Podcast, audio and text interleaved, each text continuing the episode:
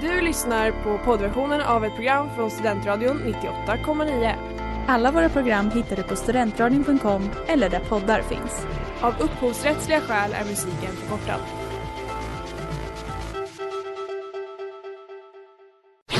Reklam, reklam.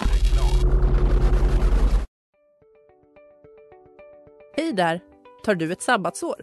Är du klar med din utbildning i höst? Ta då lite tid för att resa utomlands. Upptäck dig själv med ISEC och arbeta med ett sex veckors volontärprojekt kopplat till hållbarhetsmålen i Afrika. Läs mer på rebrand.ly uppsala 2019.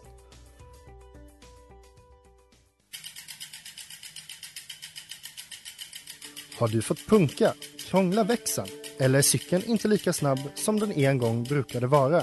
Vänd dig då till Leffes cykel, Uppsalas främsta cykelverkstad sedan 1988.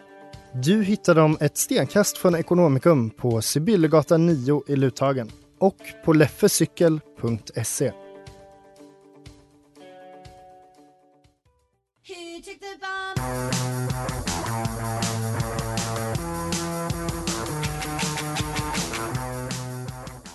Hej, halli och hallå kära lyssnare. Ni lyssnar på Studentradion 98,9 och det här är säsongens allra sista, men kanske bästa, vem vet, avsnitt av Hot Takes. Woho! Wow! Och vad ska vi prata om den här veckan? Vi ska prata om ett fantastiskt amfibiesdjur som heter bläckfisk. Alltså den fantastiska dokumentären, Netflix-dokumentären Bläckfisken och jag, eller My Octopus Teacher. Ja. Mm. Men hur mår ni idag då?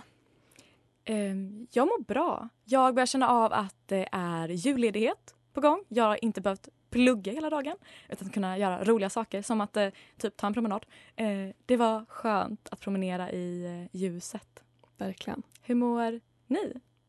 Vi jag vill bara säga det också att vi har ju, vi har ju de vanliga här. Det är jag Elvira och så har vi Leila som pratar här och El- Ellen som pratar lite här. Men sen har vi också Mm. en extra special guest från det fantastiska programmet Tjejsnack som är här istället för Alva. Och det är... Jag, Ella. Det är jag, Ella! Ja. Eller du är här idag och gästar oss. Ja, alltså jag blev så glad. Äntligen är det någon som vill diskutera den här eh, dokumentären med mig för att den eh, rocked my world. Oh, it did. Mm. Mm. Du det- är ju lite förtjänsten till att oss resten har tittat på den också. Så vi Ja. tycker att det passar väldigt bra att du är här med oss. Nej, men jag vill att alla ska se den här. Alltså jag tror att det är viktigt för allmänbildningen. Eh, Absolut. Och att, att skapa sin åsikt om den här. För att Det är en Absolut. vattendelare. Absolut, Mm. I agree. Men hur, hur mår du idag då? Jag mår bra. Jag har eh, pluggat pissmycket och sen har jag ätit jättegod svamppasta och druckit cider, julcider. Wow, wow, fantastiskt. Men eh, vi ska gå på låt lite, sen ska vi prata lite mer om det här.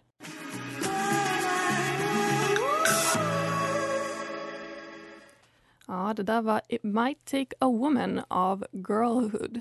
Och ja, som sagt, vi ska då prata om en fantastisk dokumentär som heter Bläckfisken. Och jag, det kanske var lite värdering på min sida, men eh, vad är det här för dokumentär egentligen?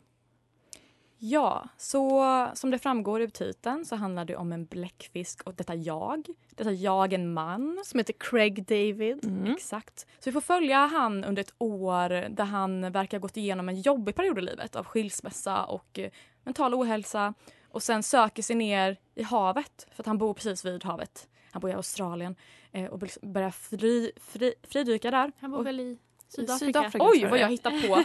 Ja, Men absolut. det är fullt rimligt. Jag tänkte också att det var Australien när jag såg den. Jag med. Eh, så det är fullt rimligt tro. Dialekterna är ganska lika. Mm. Mm, det är liksom en turbulent, emotionellt distraught man som är så, om jag dyker varje dag då kanske jag hittar svaren på alla frågor jag har i mitt liv. Och så träffar han på en bläckfisk och så tänker han, så ser han den och så är han bara så, det här är svaret.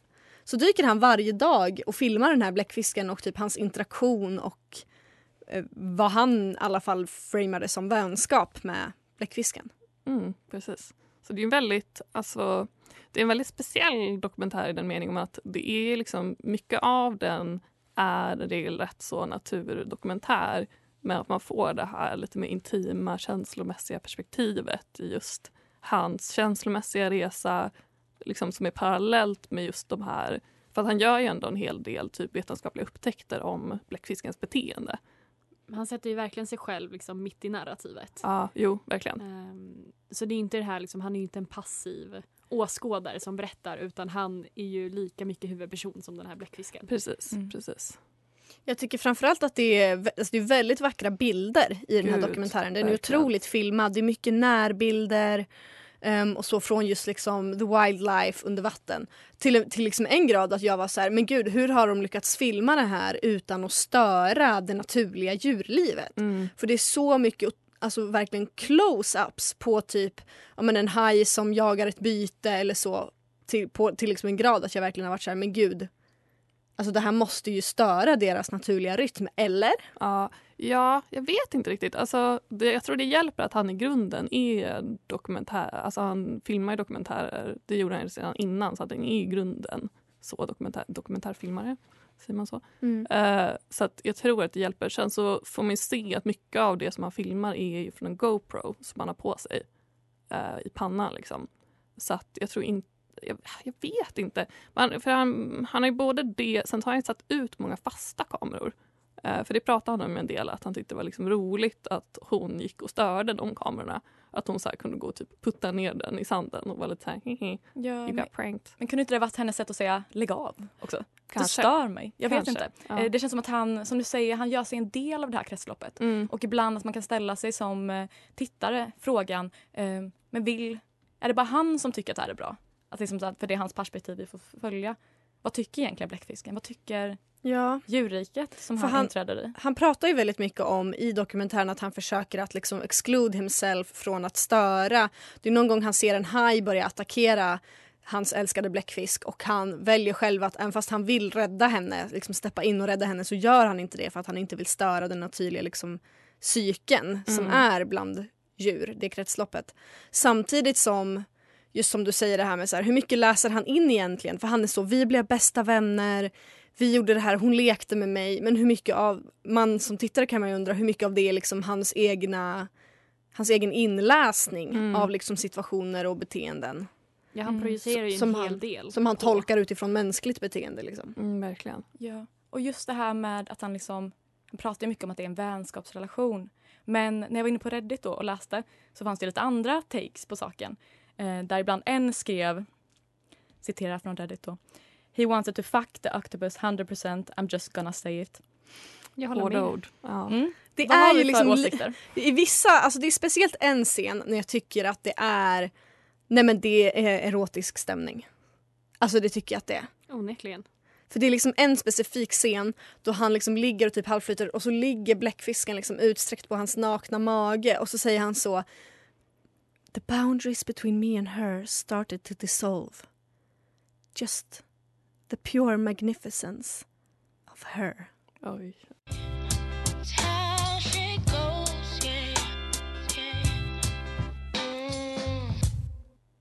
Ja, det där var Icarus med Fana Hughes. Och jag tänkte börja denna take-runda med mina tankar och mina takes och mina känslor. Eh, för i min mening så har jag blivit utsatt för falsk marknadsföring. Eh, den introduktion som jag fick av Bläckfisken och jag fick mig att tro att den här snubben ville knulla en bläckfisk. Eh, och det kanske är upp till debate, men eh, ja, enligt mig så mm, jag fick inte det, det intrycket. För jag satt där ihopkurrad på soffan i måndags, sliten, trött och redo med typ fyra färdiga takes om hentai och tentakelporr.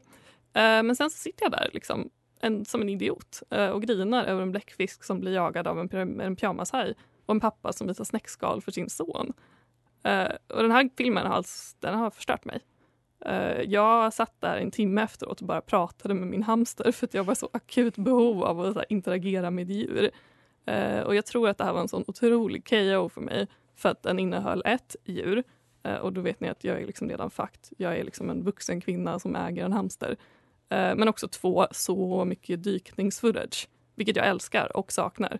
Eh, för att dyka är typ det coolaste ever och jag har liksom aldrig sett en bläckfisk förut men jag kan verkligen tänka mig vilken otrolig upplevelse det måste vara att se och bli ihågkommen av ett sånt djur. För vilket djur! Alltså, hallå, så smart. Kan kamouflera sig, inte bara med färg, men i textur. Va? Ursäkta? Eh, alltså så här, kan växa tillbaka sina armar. Och liksom, jag kan fatta att Craig blir besatt because what the actual fuck är en bläckfisk? Nej, alltså jag vill verkligen försvara den här filmen. eh, som den läxa i naturens skönhet och skörhet som den faktiskt är. Och även vilken vacker inblick i djurs intelligens och själsliv. Och jag kan typ beundra Craig över just hur han interagerade med den här bläckfisken utan att göra den till hans husdjur och börja göra saker åt henne. Att just som vi pratade om förut, att han lät rovdjur jaga henne och att han lät henne jaga så i lugn och ro. Och för mig så gjorde det, liksom en, det gjorde saken ännu finare när hon var nyfiken och ville ha kontakt med honom. Eh, I och med att han, han gav henne liksom ingenting, han matade henne inte. Eh, och det är för mig så ett tydligt tecken på att djurs själsliv och faktumet att de liksom inte bara är enkla maskinliknande varelser som bara är byggda för överlevnad. Och så ja, vid det här laget så har liksom min take har bara blivit så en blödig krönika men jag är som sagt förstörd. Eh, för att det, det fick mig liksom att reflektera över mina egna möten med vilda djur. Och jag kom specifikt ihåg ett år då vi hade en väldigt social rävkull som föddes vid mitt hus. Eh, och vi märkte det för att de tog mina hundars leksaker från gården på natten och lekte med dem i skogen. Och hundarna var helt till sig PGA att de rörde sig så nära huset. Men en kväll, Eh, och alltså återigen förlåt för blödig krönika och landsbygdspropaganda, men när jag gick upp på berget bakom vårt hus för att se solnedgången så eh, satt eh, helt plötsligt en rävunge i gräset, kanske fem meter bort. Och vi liksom bara stod där och såg på varandra och den var liksom bara nyfiken. Och jag pratade liksom försiktigt till den och så sa hej. Och jag såg på den att den verkligen övervägde att hälsa. Men sen så var det någonting som lät i skogen och skrämde iväg den och den stack. Men just den här grejen att vilda djur liksom kan vara sociala med oss utan att få något konkret av det slår i mig så himla hårt. För den här räven kan dock mycket väl vara samma räv som åt två av våra höns. Men jag respekterar den lika mycket för det ändå. Eh, så snälla, respektera djur och försök att samexistera med dem. Och släng inte fimpar i naturen för kaniner lockas av tobaken och äter den och sen fastnar i deras matsmältningssystem så att de till slut kan svälta. De kan inte smälta riktig mat och då svälter de till döds. Så tack. Nej men, det här blev väldigt ledsamt. Jag, vet, jag, jag är blödig djurälskare så att jag, liksom, jag kunde inte undgå det. Jag ville bara säga så här i början, jag bara gud vilken killig take. Men sen, sen utmynnar det i det här och jag bara nu kan jag inte säga något. Det är okej, du kan säga att det är en killig take. Det Nej, men det var, killig take. det var, Det är tjejigt att bry sig om naturen. Det är det. Men jag tycker också det är killigt att respektera naturens eh, wilderness typ. Mm, Ja, att vara så, respektera Moder Jord, respektera henne. mm. Och typ att så här, den kan vi inte rå på. Den, den insikten Mm. slår mig ibland. Jag bara, gud vi kan verkligen inte rå på naturen så här. Och så känner man sig liten. Men Mm. det var jättefint. Mm, du är en stor tänkare. Mm. Tack.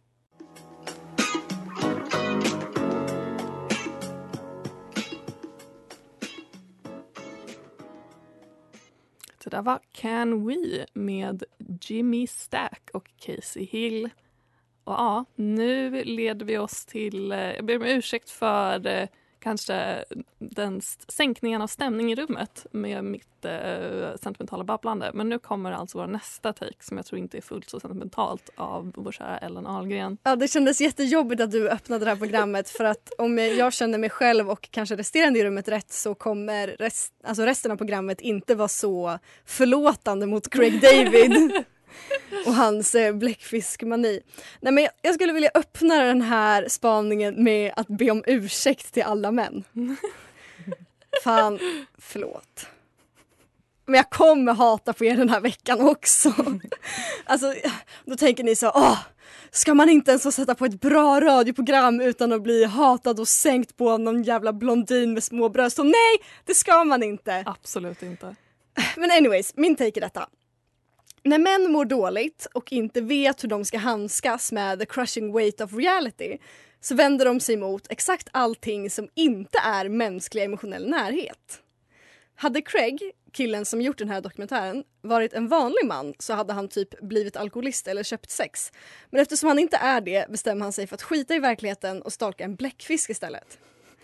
Allt annat än att göra det som faktiskt skulle kunna hjälpa honom att hitta den stabilitet som han verkar söka.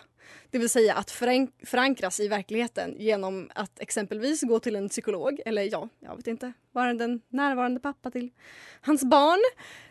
Alltså varför har män så jävla svårt att skapa band till andra människor? De går liksom literally på vad som helst när de mår dåligt. Förutom att anförtro sig åt en annan människa. Den här dokumentären den är alltså inte mer än den motsatta versionen av filmen Her med Joaquin Phoenix. Där han spelar en ensam och emotionellt avstängd man som istället för att prata med sina vänner kärar ner sig i ett AI-system. Där Joaquin hittar frälsning i det intellektuella samtalet bortom det fysiska hittar Craig frälsning i det motsatta. Han går bort från det intellektuella samtalet, bort från orden och drar sig istället till endast det fysiska. Alltså det som är så fantastiskt med att hänge sig åt faktiska människor är att man ju inte behöver välja mellan dessa två. Man får båda! Men det commitmentet som det är att bli så nära en annan person, det är för mycket för dessa män. Det går inte. Man måste ju hela tiden ta den andra personen i beaktning. Man måste låta egot kollapsa. Man måste väja för den egna viljan. Man måste basically bara inte sätta sig själv först hela tiden. Och det går ju inte. Det vill de ju inte. Det är omöjligt. Det är så mycket lättare att bara inte.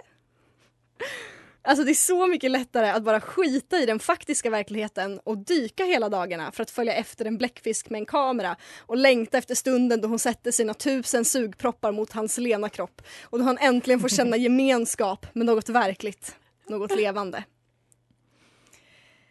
Ja. Nej, men jag håller ju med om allt du säger. Ja, jag med. Och jag har bara tänkt på den här scenen, att jag verkligen förstod hur emotionellt inkapabel han var som person innan han träffade den här bläckfisken. När han liksom säger att han, bläckfisken lärde honom om att äntligen nu känna empati mot andra. Och jag var så här, men gubben, är inte du typ så här 45? Han har ju barn, han har familj. Han har grått hår. Ja, har du inte kunnat känna Empati. till en annan innan? Fatta att vara hans fru och se den här dokumentären. Bara, Jahopp. Men de skilde sig ju. Ja. Sen skaffade han en ny fru som typ jobbar med wild animals in the ocean eller något. Jag vet inte, något sånt. Så att jag menar han... Det kanske fanns en anledning till att de skilde sig. Helt ja, enkelt. ja Mm. jag tänker det.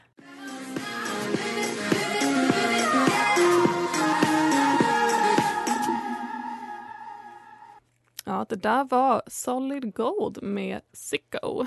Eh, och nu så har vi nått vår tredje take här i programmet. Och den kommer från vår kära, kära, kära Lila. Ja, och för er som lyssnade på förra veckans avsnitt. Ja, ni vet om att jag gillar att komma med förslag på titlar som jag tycker är mer passande på kulturella verk. Stämmer. Eh, och inte är jag ensam att dela det här intresset. För det gör också T1S9A2R6 på Reddit. Eh, hens förslag till en alternativ rubrik till My Teacher Octopus är Midlife Crisis, also featuring an octopus. Och visst kan man tro att en medelålderskris ger frikort till att ägna sig åt det mest absurda och smaklösa av galenskaper. För att nämna några få som har låtit passera i tiden. Pungpiercing, tantra retreat i Indien, Trek Super Caliber 9.8 GX mountainbike. Ehm, Ja, ja. Det stämmer. Det var- du har helt rätt. Jag har rätt! Gud vad konstigt det blev. Ah, ja. Men när vita män i medelåldern inträdde havet alla weight savers, nej, då är det slut med det överseendet. För det är, förutom otroligt förutsägbart, också häpnadsvärt, häpnadsväckande historielöst. För liksom, har ni på riktigt inte lärt er ett piss från de senaste typ 200 åren? Eller är ni bara så otroligt bra på att förtränga saker att ni skulle göra Mr Freud happen? Hur det än må vara så verkar ju den historiska kolonisering eh, av jordmassan och dess folk inte vara nog för herr Craig Foster som originellt nog känner för att kolonisera havet också. Vilket han dessutom gör med den urusla skenursäkten att han söker mening i sitt meningslösa liv. Ja, men Craig, har du tänkt på att det kanske är just för att du, ditt liv är meningslöst som du inte hittar en mening i det? Nej, såklart inte för att du är en privilegierad verklighetsfrånvänd vit man så det är klart att du aldrig skulle komma på tanken att det skulle kunna vara dig det är fel på. Att du skulle kunna vara rutten i själen. Utan istället så har du det audacity att inkräkta i det naturliga och meningsfulla livet som havsdjuren lever i havet. Alltså djuren som ska bo i havet till skillnad till en annan järlös stor mansbebis som flyter runt och terroriserar i brist på bättre saker att göra. Jag har ett bara random förslag på i alla fall en sak som vore bättre att göra. Vilket är att typ ta hand om ditt barn som sitter ensam hemma medan du har tentakelsex med en bläckfisk. Det hade liksom varit en bra start, men palla vara mindre förutsägbar genom att faktiskt vara en närvarande far. However, eh, det sämsta med Craig är ändå att hans förklaring till hans sjuka koloniala beteende inte ens försöker vara trovärdiga. Jag skulle liksom 100% köpa om han bara Alltså jag går igenom en skilsmässa och är emotionellt inkapabel eftersom jag är man. Så mitt sätt att hantera mina känslor är att hitta ett sjukt olämpligt objekt för mina perversa fantasi. Typ som en bläckfisk. Eller jag skulle också köpa att eh, han bara, ja men eh, jag har inga pengar eh, för att underhålla mitt gigantiska hus liksom vid stranden i eh, Sydafrika. Eh, så ja, jag ska sälja ut en bläckfisk själv utan samtycke för att tjäna in tillräckligt med stålar.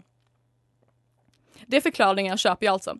Men att Craig speglar sitt liv i en bläckfisk eller lär sig, lär sig känna empati gentemot andra, det är fan rena rama förolämpningen av tittarens intellekt. Eller så är det bara jag som är, inte vet hur man funkar. Vad vet jag, arma lilla kvinna.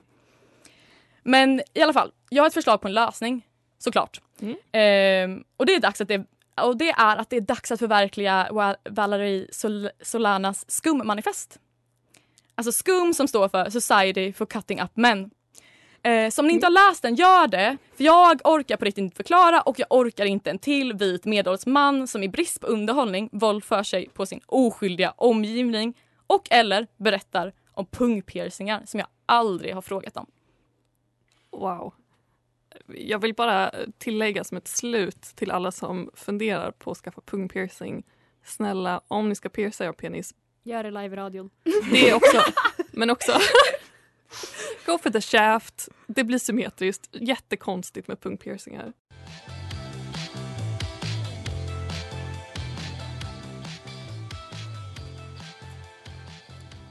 Det där var Cherry Soda med Sun Era. Och, ja, innan vi börjar med nästa take så har Ellen en eh, liten bekännelse. Ja, jag ska komma med en rättelse. Jag har alltså sagt fel namn på den här dokumentärfilmaren genom hela programmet. Eh, jag, han heter såklart Craig Foster som Leila så fint sa. Eh, så, så rättelse. Eh, Craig Foster är det han heter. Craig Foster, inte Craig Davids. Eh, och med det så ska vi gå över till vår kära gäst som har vår sista take för programmet. Ella. Jag känner en sån press nu. Men Nej, nej. Here goes nothing. Okej. Ingen kan gå säker när män gör bekantskap med det kvinnliga släktet. Oavsett art, oavsett om det är en människa eller ett blötdjur. Nej, inte ens en bläckfisk går säker. My Octopus Teacher är ännu en film om en man som blir vän med en kvinnlig varelse och projicerar sina romantiska och sexuella förhoppningar på denna. Det är som 500 Days of Summer fast med en kåt dykare. Craig är Tom och bläckfisken är Summer, the manic pixie dream girl. Detta fick, oss Detta fick mig att tänka på diskussionen om huruvida, huruvida män och kvinnor kan vara vänner. Den brukar ofta sluta i att kvinnor säger ja, det går, medan män säger nej för att underliggande i denna vänskap kommer önskan om att ligga med kvinnan vara ständigt närvarande. Och underliggande i denna dokumentär är kåtheten och önskan om ligg. Hans sexualiserande av detta djur är påtagligt. Han talar om känslan av hur bläckfisken ligger på hans bröst eller hennes sugklockor mot, sugklockor mot hans arm. Jag är rädd för mäns fantasi och kåthet när det har gått så långt att ett slemmigt blötdjur som bor under en sten i havet plötsligt är sexig. Är det oförmågan att säga nej? Är det blötheten som påminner om något annat? Något han inte längre får av sin fru nu när han hellre dyker hela dagarna istället för att ta hand om tvätten och vara en närvarande pappa? Är det vigheten? Är det mystiken? Ska vi testa byta vinkel ett tag? Hur tror vi hon känner egentligen? För henne hovrar en främmande man över hennes hem. Vid ett tillfälle flyttar hon till och med. Man stakar ivrigt upp henne. Varje dag i ett år hovrar han, han Joe Biden her ass, genom att ständigt vara där som Biden för Obama hoppas han att hon ska lägga sig på hans bröst en gång till. Hans tillgänglighet borde vara nog. Han är en nice guy, tror han. Uppenbarligen har Craig egentligen problem med gränser för han ser till och med på när de parar sig. Slutligen ser han även på när hon dör. Och när hon sedan är död kan han släppa henne. Och likt 500 Days of Summer går han då vidare. När han ser en ny, en baby octopus. Hej säger vi till Autumn. Och så börjar historien om igen.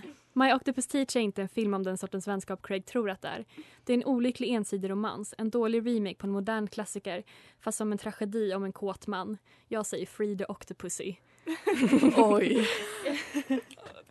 Det var ett brandtal om jag Ja. någonsin hört det.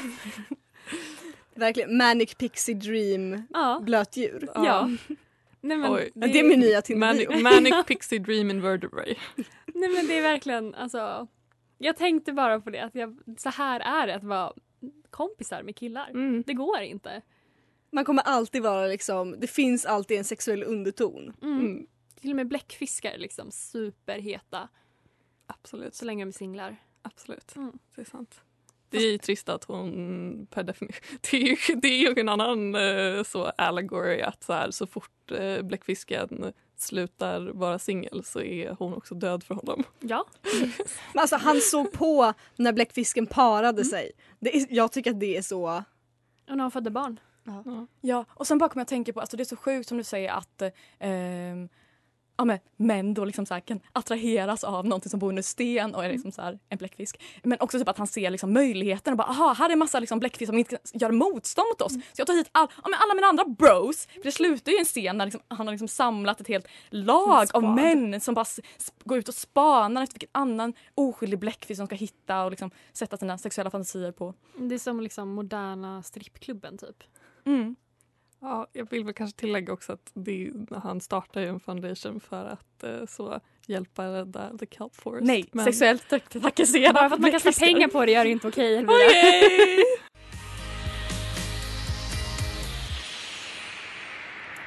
Det var Suddenly med Vargas och det är fortfarande, men nu var den slut. Suddenly med Vargas och Lagola. Ni lyssnar på Studentradion 98,9. Det här är Hot Takes och vi har haft lite heta takes. Uh, och vi är lite spridda. Eh, vi, vi diskuterar lite under låten och att jag tror att anledningen till att jag uh, har en sån positiv upplevelse av den här dokumentären är för att jag verkligen inte fokuserade på Craig överhuvudtaget. Att jag liksom bara tänkte på bläckfisken. Vilket ni hade svårt att göra för att ni var så distraherade av denna man. Den stora Ja. vita mannen. Som... Nej, men alltså att fokusera bara på bläckfisken går ju väldigt i linje med din personlighet. Alltså du ser ju liksom hundar för du ser människorna. Mm, det är Men jag, jag tror alla vi, alltså jag, Leila och Ella hade så svårt för, alltså det var ju Craig. Det var ju det som gjorde att vi hade svårt, alltså det var ju han, jag tycker han kändes så otroligt osympatisk som person. Och jag tyckte han kändes liksom bara osympatisk och också så här att han skrev in sig i det här narrativet av liksom havslivet och bläckfiskens liv på ett så himla märkligt sätt. Ja. Ja, nej, men Mm. jag tycker verkligen att ehm, han får ju handla om honom. Alltså hade det, varit en, hade det bara varit den där bläckfisken då hade jag tror jag varit mycket mer sympatiskt inställd och så här. Jag gillar den för att jag tycker att den var fin, Mm. alltså så här, genuint. Men problemet är ju att han typ kockblockar hela filmen. Mm. Ja, men det blir så typ när bläckfisken får en arm uppäten av en haj så är han så och det kändes som att jag förlorade en arm. Och så pratar han jättelänge om hur jobbigt det var för honom. Man bara hallå! Mm. Jag kollar inte på den här dokumentären för att jag tycker du är så intressant. Mm, She's got seven arms now. Liksom. Mm. Verkligen. Men ja, jag tänkte jag skulle bidra lite till den här lite hårdare stämningen och berätta lite tentakelkuriosa. Eh, Mm, jag har ett do. litet eh, tentakelporrs fun fact. Oh. Och det är att det finns alltså en, eh, ska man säga, jo men en direkt korrelation mellan skottet i Sarajevo och förekomsten av tentakelporr. Mhm. Ursäkta, snälla utveckla. Mm, absolut. absolut. Och det lyder så här alltså. För att skottet i Sarajevo det utlyste ju som vi kanske alla vet det andra världskriget. The big one, second one. Var det och, inte Var det inte första? första? Gavrilo princip, svarta handen. Nej gud, jag menade, ja exakt. Ja. Första jag menade första världskriget. Jag, jag kan historia, eh, men jag kan, ja i alla fall. Eh, och det som hände med, i och med första världskriget, första världskriget utlöste ju också, alltså hade första världskriget inte hänt så hade kanske inte andra världskriget hänt på samma sätt. Eh, Men i och med de här världskrigen så kom det mycket utländska soldater till Japan eh, när de stred och det i sig tog med sig massa utländsk porr. Eh, så helt plötsligt satt Japan på en massa porr och de var så här moral-freaked out och var så här, men vi är ju så dygdiga och sånt. Så här ska inte, vi ska inte bli så förpestade av västerländsk porr. Jag tänkte precis säga, det har de ju förvaltat väl. Jo, det är det. Vi kommer dit. Eh, för då gjorde de så att de eh, förbjöd avbildningar av alla sorters avbildningar av penisar för att motverka att det skulle bli så producera massa porr. Eh, så då satte sig folk som höll på med porr och bara hmm, vad gör vi då? Jo, men då får vi komma på lite ersättningsgrejer så att vi kan göra porr utan att ha med penisar. Och voilà, tentakelporr. Ja, men det var Så bara kreativt. penisen som de förbjöd Ja. och inte annat. Men du har ju Ja. läst Freud, allting handlar om penisen. Jo, det är klart. Ja. Du är bara sense. Leila. Mm. Jag vill i alla fall säga tack Elvira för den här informationen. Alltså den har förgyllt mitt liv. Varsågod. place you grew up in. Show me your house, the pain and the suffering. Det var Arcade Games med Saga Back. Eh, och det var vårt sista Hot Takes-avsnitt för terminen. Mm. Ja, Det har varit så trevligt att vara här. det var ju kul. Det har varit jättetrevligt att ha det här. Det var så kul Verkligen. att ha det här och så kul att du fick oss att se den här dokumentären. Även om vi kan ha låtit arga och traumatiserade så var det ändå en upplevelse värd. Ja, alltså Verkligen. förlåt för tonen. nej, nej, nej. Det, det- alla bra diskussioner har Absolut. en hetsig ton. Mm. Det är väldigt sant. Och jag känner också att det kanske var, jag tror det var lite nyttigt för mig också att få höra en liten hetsigare ton. Just i och med att jag var så förstörd och bara så kände mig, jag kände mig som en mollusk efter den där. För att jag bara låg där och bara, vem är jag? Vad, vad är vi? Djur är fantastiska. De tänker så mycket. Varför gör inte jag det? Typ. Vadå, du är en väldigt fin mollusk, om inget annat. Tack. Vad snällt. Mm. Om ni vill lyssna på det här avsnittet igen eller på något av våra andra avsnitt så hittar ni på dem på studentradion.com eller där poddar finns. Man kan följa på oss på Instagram, det tycker jag absolut man ska göra. Vi heter tjejsnack98.9. Det är vi Nej. inte alls. Vi heter Nej. Hot Takes. Vi heter Ja. Hot Takes Ja. 98.9. Din Förlåt. otrogna lilla slina. Ja, förlåt! Two timing bitch. Bra diskussioner. Vad händer? Absolut, ja, förlåt. Eh, jag tycker man ska lyssna på oss nästa termin också. Ja, Jag tycker man ska eh, skriva DM oss om ämnen man vill att vi ska prata om. verkligen, verkligen, verkligen.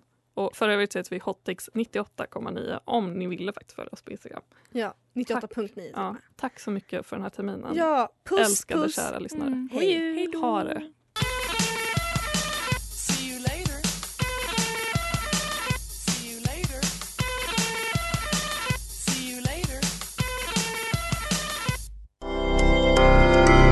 Du har lyssnat på poddversionen av ett program från Studentradion 98,9. Alla våra program hittar du på studentradion.com eller där poddar finns.